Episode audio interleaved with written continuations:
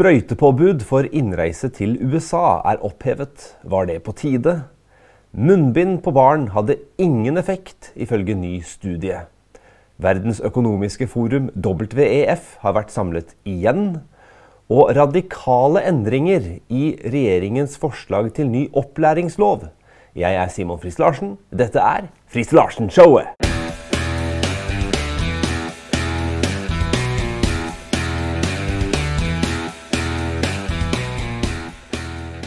Sprøytepåbudet for innreise til USA for ikke-amerikanske statsborgere oppheves 11. mai. NRK meldte dette her og skriver at eh, fra og med 11. mai så er ikke koronasprøyte lenger et krav for å reise inn i USA, besluttet president Joe Biden. Koronaviruset er ikke lenger en folkehelsetrussel, og dermed fjerner USA nå det meste av restriksjonene som ble innført under pandemien. Og spørsmålet er er dette på tide. Selvfølgelig er det det. USA er jo da kanskje det siste landet som fremdeles har tviholdt på dette her sprøytepåbudet, hvor du må da fremvise bevis på at man da har tatt to sprøyter for å kunne da få innreise til USA. Vel å merke hvis du er ikke-amerikansk statsborger. For er man amerikansk statsborger, nei, da kunne man reise inn uavhengig om man hadde tatt sprøyter eller ikke. Så virus det kunne tydeligvis vite hvorvidt man er amerikansk statsborger eller ikke. da.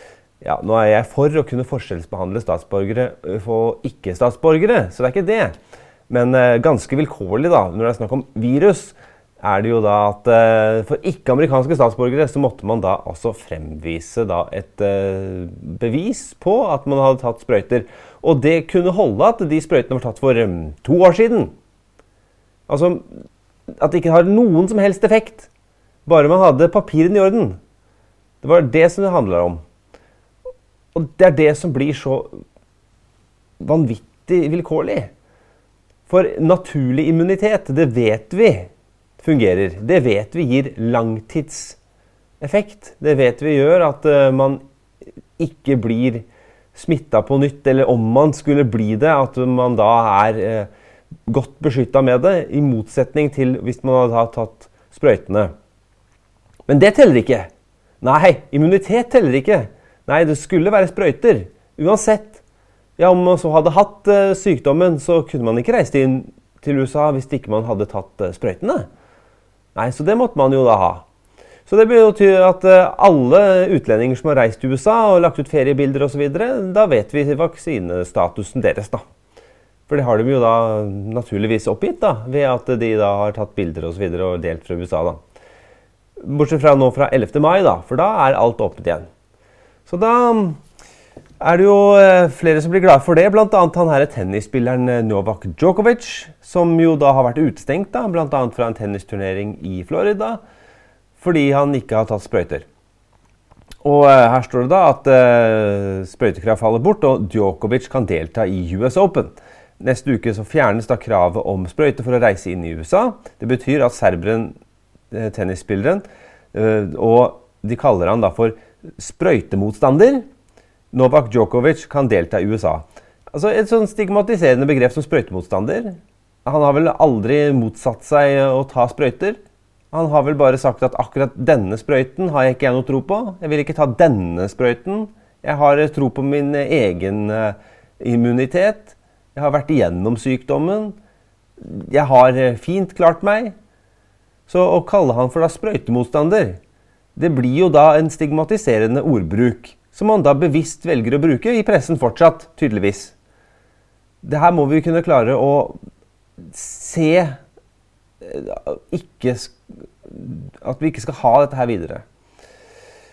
Men, men. Kravet oppheves da fra med 11. mai, og storturneringen arrangeres da i august i New York. Serberen fikk ikke delta i fjorårets turnering, da han ikke ville ta sprøyter. 35-åringen søkte om å få en særegen tilgang til å reise inn i USA for å delta i Indian Wells og Miami Open, men fikk nei. Djokovic har sagt at han heller vil gå glipp av store turneringer enn å ta disse sprøytene. Så US Open er den fjerde og siste av de årlige Grand Slam-turneringene, og den begynner da 28.8. Så da kan han altså da, som ikke-amerikansk statsborger reise inn i USA for å delta også på denne tennisturneringen. Og han er ikke en sprøytemotstander, det har han jo også sagt. Men akkurat disse var det han ikke ville ta. Så er spørsmålet for oss, alle, alle oss andre Var det virkelig nødvendig å ta alle disse sprøytene? Ja, men man måtte jo reise. Ja, men Har det hindra noen i å kunne få sykdom? Tydeligvis ikke. Man har jo ikke klart å begrense smitte av det. Ja, men man har jo klart å redusere at folk ikke dør osv. Det dør folk. Ja, men man har klart å hindre at folk ikke blir alvorlig syke. Ja, men hvis man ser altså den eh, absolutte eh, beskyttelsen kontra da den relative i, i, disse her testene som eh, ble gjort, så er det ikke 95% beskyttelse. vet du. Det er bare under 1% eller noe sånt. Og Dessuten så er det jo sånn at de aller, aller fleste som får dette, så sykdommen, de blir helt friske igjen av seg selv. Har da sånn sett ikke et reelt behov for å ta sprøytene. Men det var et sånn umenneskelig press for oss å ta dette her. Nei, det var som et bilde jeg så. Jeg kan vel vise det her nå. En, en uh, figur her da, fra eh, filmen 'Ringenes herre'. Så ikke skvett i stolen når jeg viser bildet, for det kan være litt ekkelt hvis ikke du har sett dette før. Så bare vær litt forberedt på at det er litt sånn creepy bilde. Men her er bildet, altså. Og det er sånn Første bildet viser altså denne figuren her da, som sier at ja, det, var ikke Hvis ikke du tar disse sprøytene, så tar vi fra deg jobben din, vi tar fra deg eh, muligheten din til å reise osv. Og, så ser vi da i neste bilde personen sier da Nei, vi tvang deg ikke. Dette her er jo da eh, fra filmen hvor dette her er en person da, som er schizofren eller har to ulike personligheter. Men er det ikke nesten sånn, da? Ja, det var ingen som ble holdt nede og presset og tvunget til å ta sprøytene. Men man blei pressa fra alle vinkler og kanter. Fra politikere, fra media, fra venner, fra lærere, fra familie. Hvis man ville ikke, da skulle man lide. Og det var ikke måte på. Nei, din frihet skulle ikke frata oss min frihet, osv. Politikere til og med som var forkjempere for dette koronasertifikatet. Som fremdeles er i vårt lovverk, bare så du vet det. Aldri hørt noen unnskyldning. Ikke formelt, i hvert fall. Nå er det iallfall slutt i USA for dette innreisepåbudet uh, for, for, for, å måtte vise fram sprøytekrav.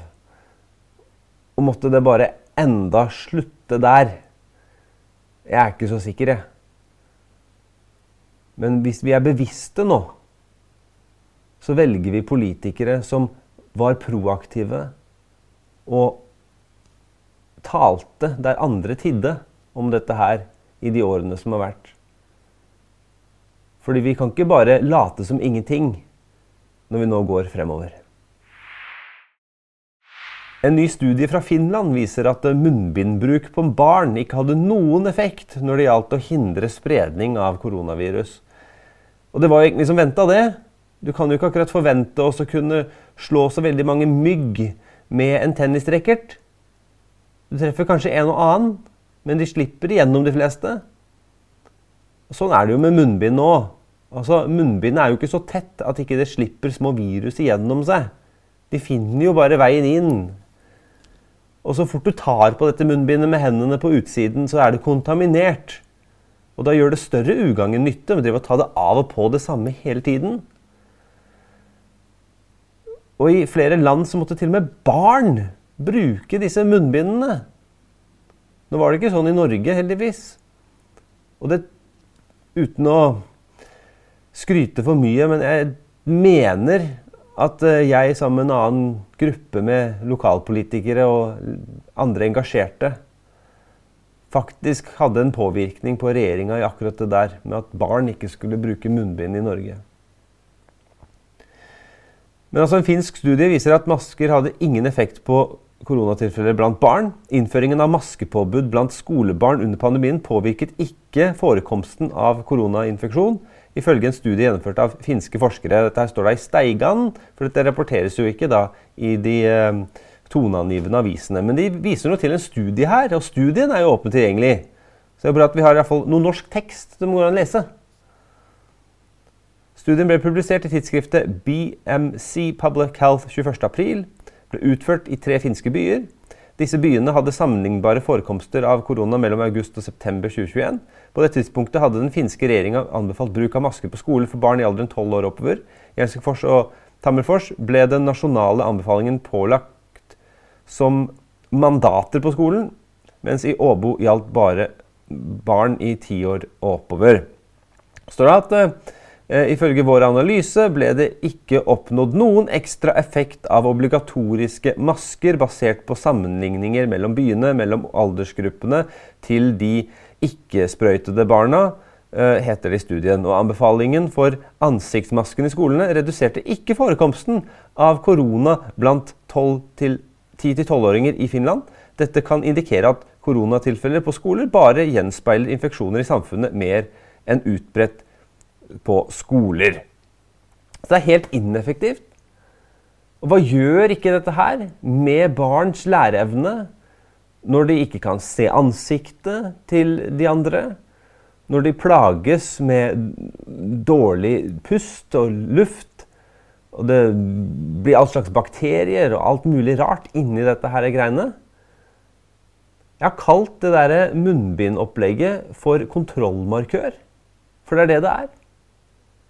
Man skulle bruke da disse munnbindene som et slags lydighetssymbol overfor myndighetene for å vise det at ja, vi følger blindt og lydig det som blir sagt. Ja, men man trodde jo at dette her skulle hindre spredning osv. Ja, men bruk litt sunn fornuft, da! Man må skjønne det. At et munnbind ikke kan stoppe virus. Og det er masse studier. Det står til og med her at det var 2168 studier som så på de negative effektene av å bruke masker under korona, og fant ut at mange mennesker led av helsemessige konsekvenser som hodepine og kløe som følge av maskebruken. Så altså, Det gjorde mer ugagn enn nytte. Jeg husker det var en dame som kom helt opp i ansiktet på meg fordi jeg ikke hadde munnbind på meg. Hun hadde jo munnbind på seg. Hun bare du må bruke munnbind! Jeg liksom tok bare hendene litt forsiktig og så bare sånn, ikke tok ikke på henne, da, for da hadde hun blitt enda mer hysterisk. Men liksom jeg viste tegn til at jeg ville ha henne litt sånn bort, og så sa jeg Ja, men unnskyld, du må, du må holde litt avstand. Ja Det var som hun Oi. Ja. Hun skjønte at du var litt dobbeltmoralsk der, men altså, hun, det var som hun var en tikkende bombe. vet du. Bare fordi jeg ikke brukte munnbind. Men altså, det skulle ikke normaliseres overfor mine barn at å gå med munnbind er noe som man skal gjøre. Man skulle ikke bli vant til å se det. Og da måtte noen stå fram som et eksempel på at vi bruker ikke munnbind, det skal ikke være en normal ting å gjøre. Og som da både far og politiker og ombudsperson så må man jo også da gå frem med et eksempel. Så det var årsaken til at jeg ikke brukte munnbind. En og annen sjelden gang for å bevare en, eh, en ro, for ikke eh, Av hensyn til andre, så kunne jeg bruke det. Da det var en sånn påbud og så videre. Men jeg husker jeg var på Strømmen storsenter. Det var den eneste kunden på hele senteret som jeg kunne se, i hvert fall, som ikke gikk med munnbind. Fullstendig meningsløst. Hindrer ikke smitte. Gjør mer ugagn enn nytte. Og studiene reflekterer det også. Og det er ikke nok å bare si ja, vi visste ikke bedre. Nei, det er ikke noe, det er ikke noe etterpåklokskap, dette her. Selvfølgelig visste vi bedre. Og vi skulle ikke ha gjort det. Og fremover da, så blir jo da valget om man skal da tenke på om man skal ha politikere som er proaktive, som har evne til å se ting litt fremme, forstå ting litt intuitivt. Eller om man bare skal ha politikere som bare følger det som kommer da fra overnasjonale organer, og det som kommer da seilende inn på et For å ta ingen beslutninger. Bare sånn Ja, vi må jo det. Ja. Nei, vi kan jo ikke, ikke vi, kan, vi, må bare følge. Vi må ha helsemyndighetene. Ja, de sier nei, vi kan jo ikke, vi kan vi kan ikke være noe lempeligere. Nei, vi, vi må i hvert fall være strengere i så fall. Kan ikke være greiere. Nei. Det er ditt valg. Hvordan vil du ha det fremover? Fiffen er samlet igjen i Davos. Det er WEF, Verdens økonomiske forum, som elsker å sole seg i sin egen glans og reise med sine privatfly til da dette her luksusstedet. Hvor de da kan diskutere det som de er opptatt av, og som har en tendens til å bli virkeligheten kort tid fremover. Fordi at alle politikerne er on board med det som da skjer der nede. Men det må ikke være sånn. Men det er sånn akkurat nå. I hvert fall inntil vi får gjort noe med det. Og hva er det som skjer nå, da? Hva snakkes det om der? Ja, blant annet dette her, da. The return of the state. Where next for industrial policy? Altså statens retur. Hva skjer nå, da? Med da politikken innenfor industri. Og det står om Active industrial policy is moving up government agendas around the world, prompted by factors including the green transition and the need to improve resili the resilience of value chains. Hva betyr det? Ja, det er nå så at uh, aktiv industripolitikk beveger seg i retning av regjeringens agendaer rundt om i verden. Og det er foranlediget av faktorer som det er inkludert det grønne skiftet og behovet for å forbedre da verdikjedene og det som da er utfordringene der. Dette her er kommunisme. Dette er Dette er kommunisme. Aktiv industripolitikk beveger seg i retning av regjeringens agendaer. Jeg tenker Verdens økonomiske forum. Hvis man, tenk, hvis man, tenker på forretning Det skal jo da bygge opp verdier. Det skal forbedre den virkeligheten vi lever i. Mens nå så skal altså næringslivet oppfylle eller jobbe for regjeringens agendaer. Det er marxisme, det. Det er jo ikke en måte å jobbe på som bygger opp noen ting, det.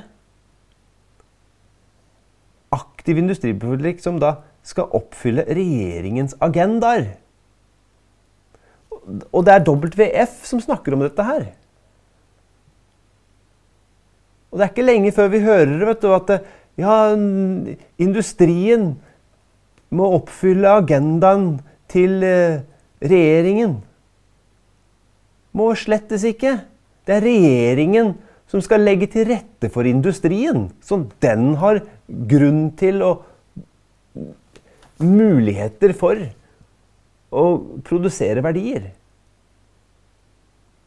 Det er helt motsatt det, det Verdens økonomiske forum holder på med. Det helt motsatte av det som skaper verdi.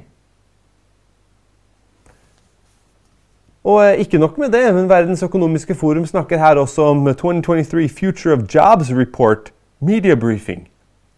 Altså hvordan er fremtidsutsiktene da for arbeid og arbeidsplasser? Og der har de jo da et svært dokument på eh, nesten 300 sider. Og her står det da bl.a. at employers anticipate a structural labor market churn of 23% of jobs in the next five years. Og oversatt så betyr det altså at arbeidsgivere regner med at det blir en strukturell nedgang i arbeidskraft på 23 i løpet av de neste fem årene.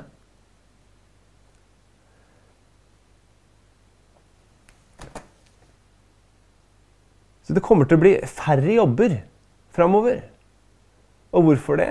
Robotisering, og det snakkes det om her. Og dette her med, med disse grønne jobbene. Hvor blir det av jobbene til, til vanlige folk? Men de vil ha det sånn. De, disse tenker ikke på vanlige folk. De tenker på hvordan kan dette berike oss. Det er ikke hvordan kan vi skape rammene for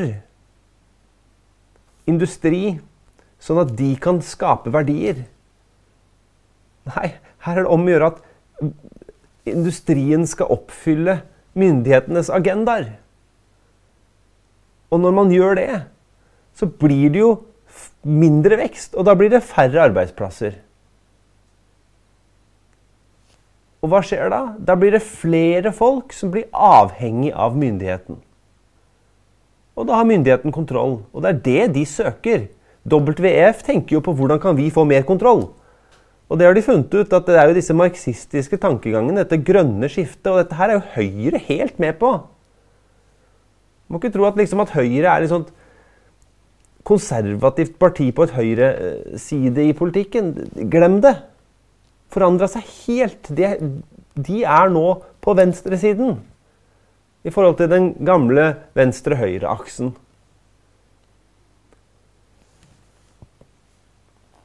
Så skal man få gjort noe med dette her, så må man skape frie og sterke lokalsamfunn. Og det klarer vi å skape ved at man velger de rette politikerne nå i 2023. Regjeringen foreslår radikale endringer i opplæringsloven. I en proposisjon til eh, Stortinget på nesten 800 sider så tas dette opp. Og jeg har ikke lest alle de 800 sidene. Men noen som har det, er Verdialliansen. Og Verdialliansen de er jo da forsvarere av kristne verdier ved demokratisk deltakelse innen rammene av norsk lov, menneskerettighetene og rettsstatens prinsipper. Og de har da bl.a. snakket om dette her Ny opplæringslov må uttrykke respekt for elevenes og foreldrenes religiøse og filosofiske overbevisning. Og sier at Stortinget behandler for tiden regjeringens forslag til ny opplæringslov. I dag er Den europeiske menneskerettskonvensjonen første tilleggsprotokoll artikkel 2 tatt inn i loven. Regjeringen foreslår å ta dette ut av teksten i den nye loven. Verdialliansen ber Stortinget om å videreføre dagens ordlyd på dette punktet. Stortinget hadde åpen høring etter påske om den nye loven, men mange av de som søkte om å få komme til høringen, fikk avslag på dette. Verdialliansen valgte derfor å sende en skriftlig kommentar til Stortingets utdannings- og forskningskomité. I utdannelsen prioriterte Verdialliansen å ta opp følgende. Den demokratiske menneskerettskonvensjonen. Ny lov må i sin ordlyd videreføre henvisningen til respekt for elevenes og foreldrenes filosofiske og religiøse overbevisning. Og selvfølgelig må den det. Hvis du tar bort denne her ordlyden om at man ikke skal kunne da ha foreldrenes filosofiske og religiøse overbevisning til grunn for undervisningen, ja, da blir det jo hva staten velger å lære barna opp i, som gjelder.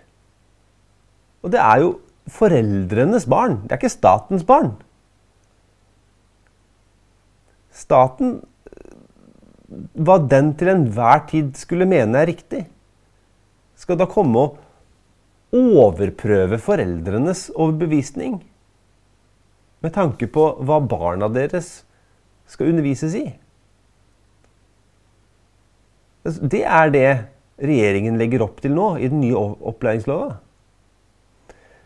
Kjønnsidentitet, ny opplæringslov, må ikke kunne misbrukes som hjemmel for skolene til å gi obligatorisk undervisning som vedfører risiko for å påføre elever kroppspress og kjønnsinkongruens. Selvfølgelig så må ikke den nye loven ha med det. Man skal da forholde seg til det som er reelle, objektive, verifiserbare fakta. Skal ikke begynne å legge seg opp i helt radikal nytenkning når det gjelder opplevelse av kjønn. Og som igjen skaper kroppspress og kjønnsinkongruens. som leder da barn på en vei mot å ta operasjoner som fjerner friske bryster og kjønnsorganer og steriliserer og gjør at man blir kastrert. Det er ikke riktig. Men det kan den nye opplæringslova plutselig legitimere. Verdialliansen tar i hvert fall dette opp. Forbud mot forkynning. Dersom dette blir vedtatt, må det fremgå at det ikke bare gjelder religiøs forkynning, men alle forkynnende budskap og opplæring som kan ha et politisk, ideologisk, filosofisk, verdimessig eller påstått vitenskapelig innhold uten at det åpnes for kritisk refleksjon og debatt. Det som er bare at det verdiavgjørelsen sier her, er jo en umulighet. Så sånn sett er jeg enig, men uenig. For alt er forkynning. Du kommer ikke utenom forkynnelse. Det forkynnes så mye på skolen i dag. Det forkynnes om evolusjon, som om det skulle være vitenskapelig bevist. Det forkynnes da om dette her kjønnsidentitetsopplegget. Som om det skulle være riktig. Men det eneste man ikke skal kunne forkynne om, det er det som var grunnlaget for skolen i utgangspunktet, nemlig Bibelen. Nei, nei, det skal man ikke kunne forkynne om, eller fortelle om. Hvorfor ikke det? Det er det eneste som er sant. Det er det utgangspunktet og forutsetning for all sannhet. Men det ønsker man å fjerne. Hvorfor det? Fordi det er da staten kan ha kontroll. Man skal kunne bannlyse kun Bibelen. Alt annet skal være tillatt. Det er klart at når du gjør det, så har ikke foreldrene noe de skulle ha sagt. Da har ikke barna noe de skulle ha sagt. Da er det bare makta som rår. Og da har man kontroll. Det er kontroll det handler om til slutt. Og for så vidt også i utgangspunktet. Ansvar. Det må tydeliggjøre hvem som har ansvar for undervisningen. Ja, det, det må det jo. Altså, en opplæringslov må definitivt tydeliggjøre hvem som har ansvar for undervisningen.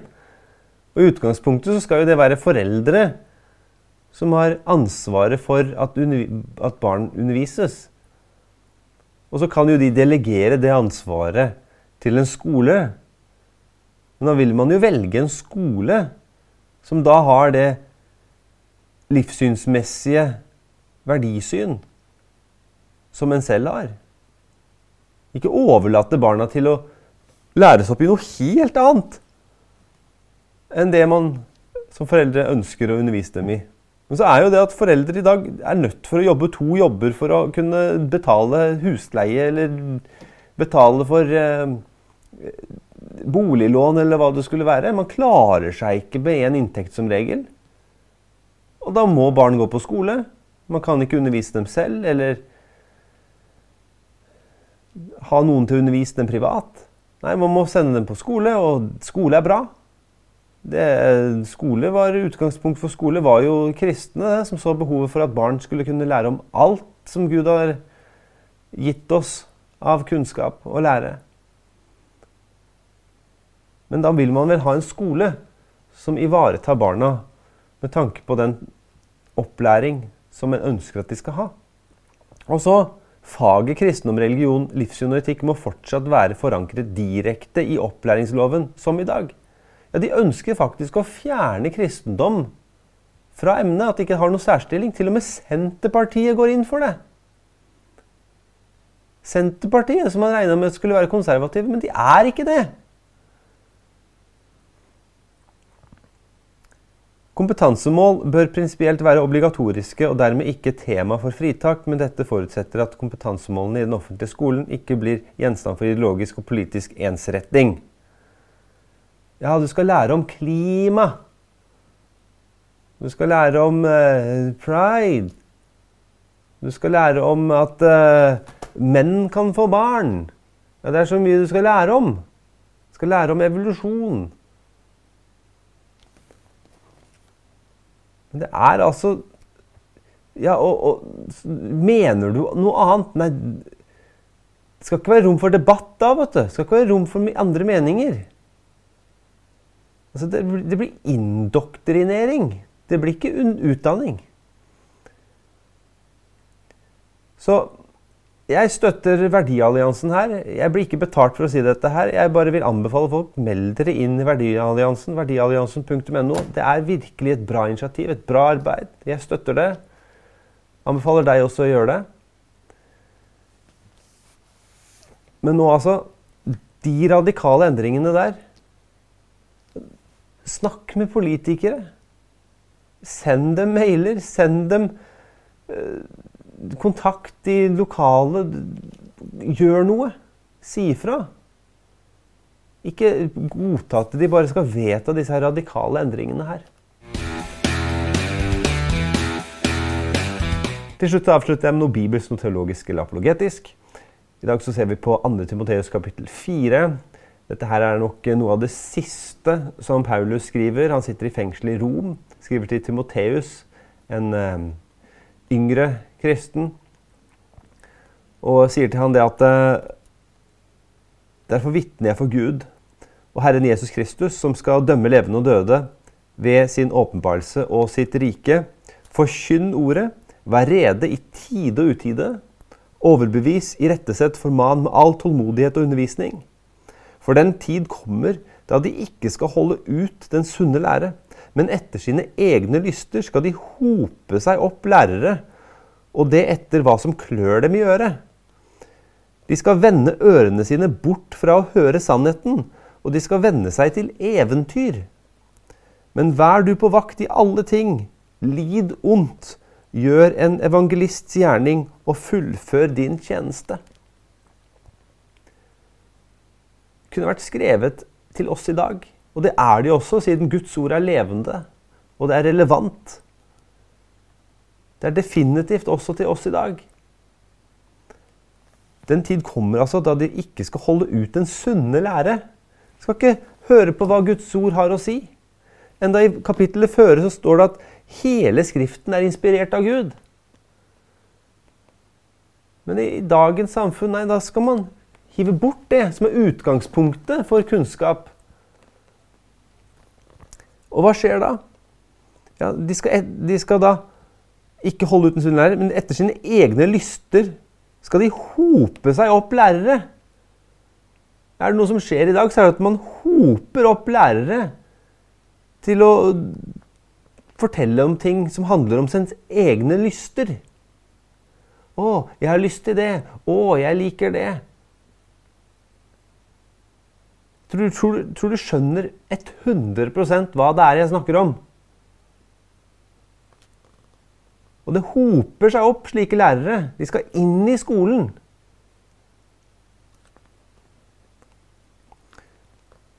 De skal vende ørene sine bort fra å høre sannheten.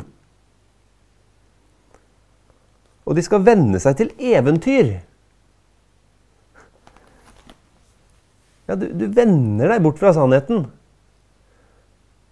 Og hvordan skjer det? Jo, hvis man blir fortalt mange nok ganger at noe ikke er sånn som det er, da begynner man å tvile på at det er sånn som det er. da.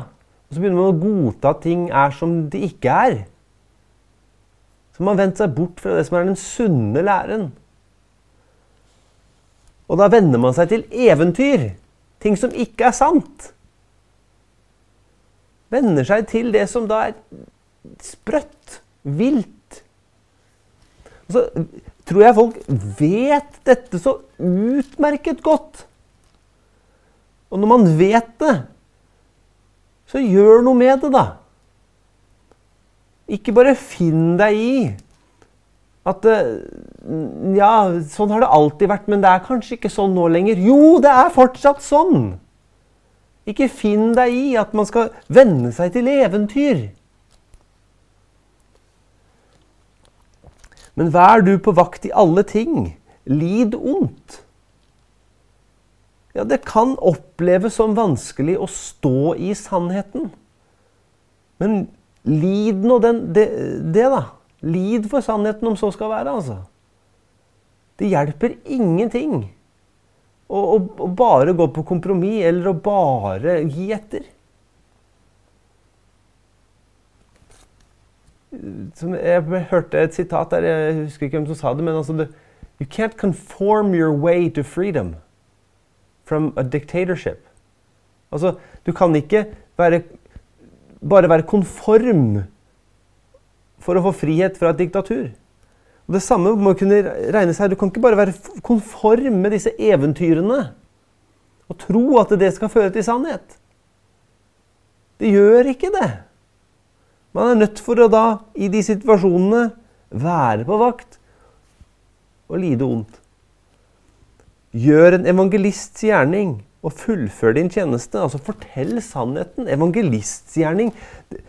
Det er først og fremst kristne. Vi som har Guds ord, vi som har sannheten, som skal gjøre en evangelists gjerning og fortelle andre mennesker om Jesus, om veien, om sannheten og livet. Sånn at ikke folk følger etter disse eventyrene.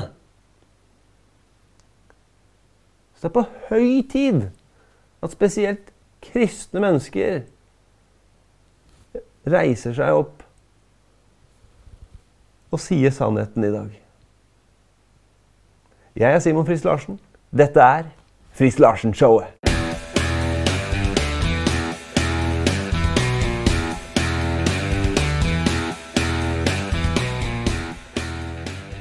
Takk at du ser på eller lytter til Friis Larsen-showet.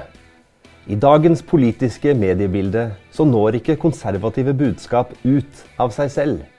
Generisk vekst er best, og det oppnås ved aktiv følging, liking og deling.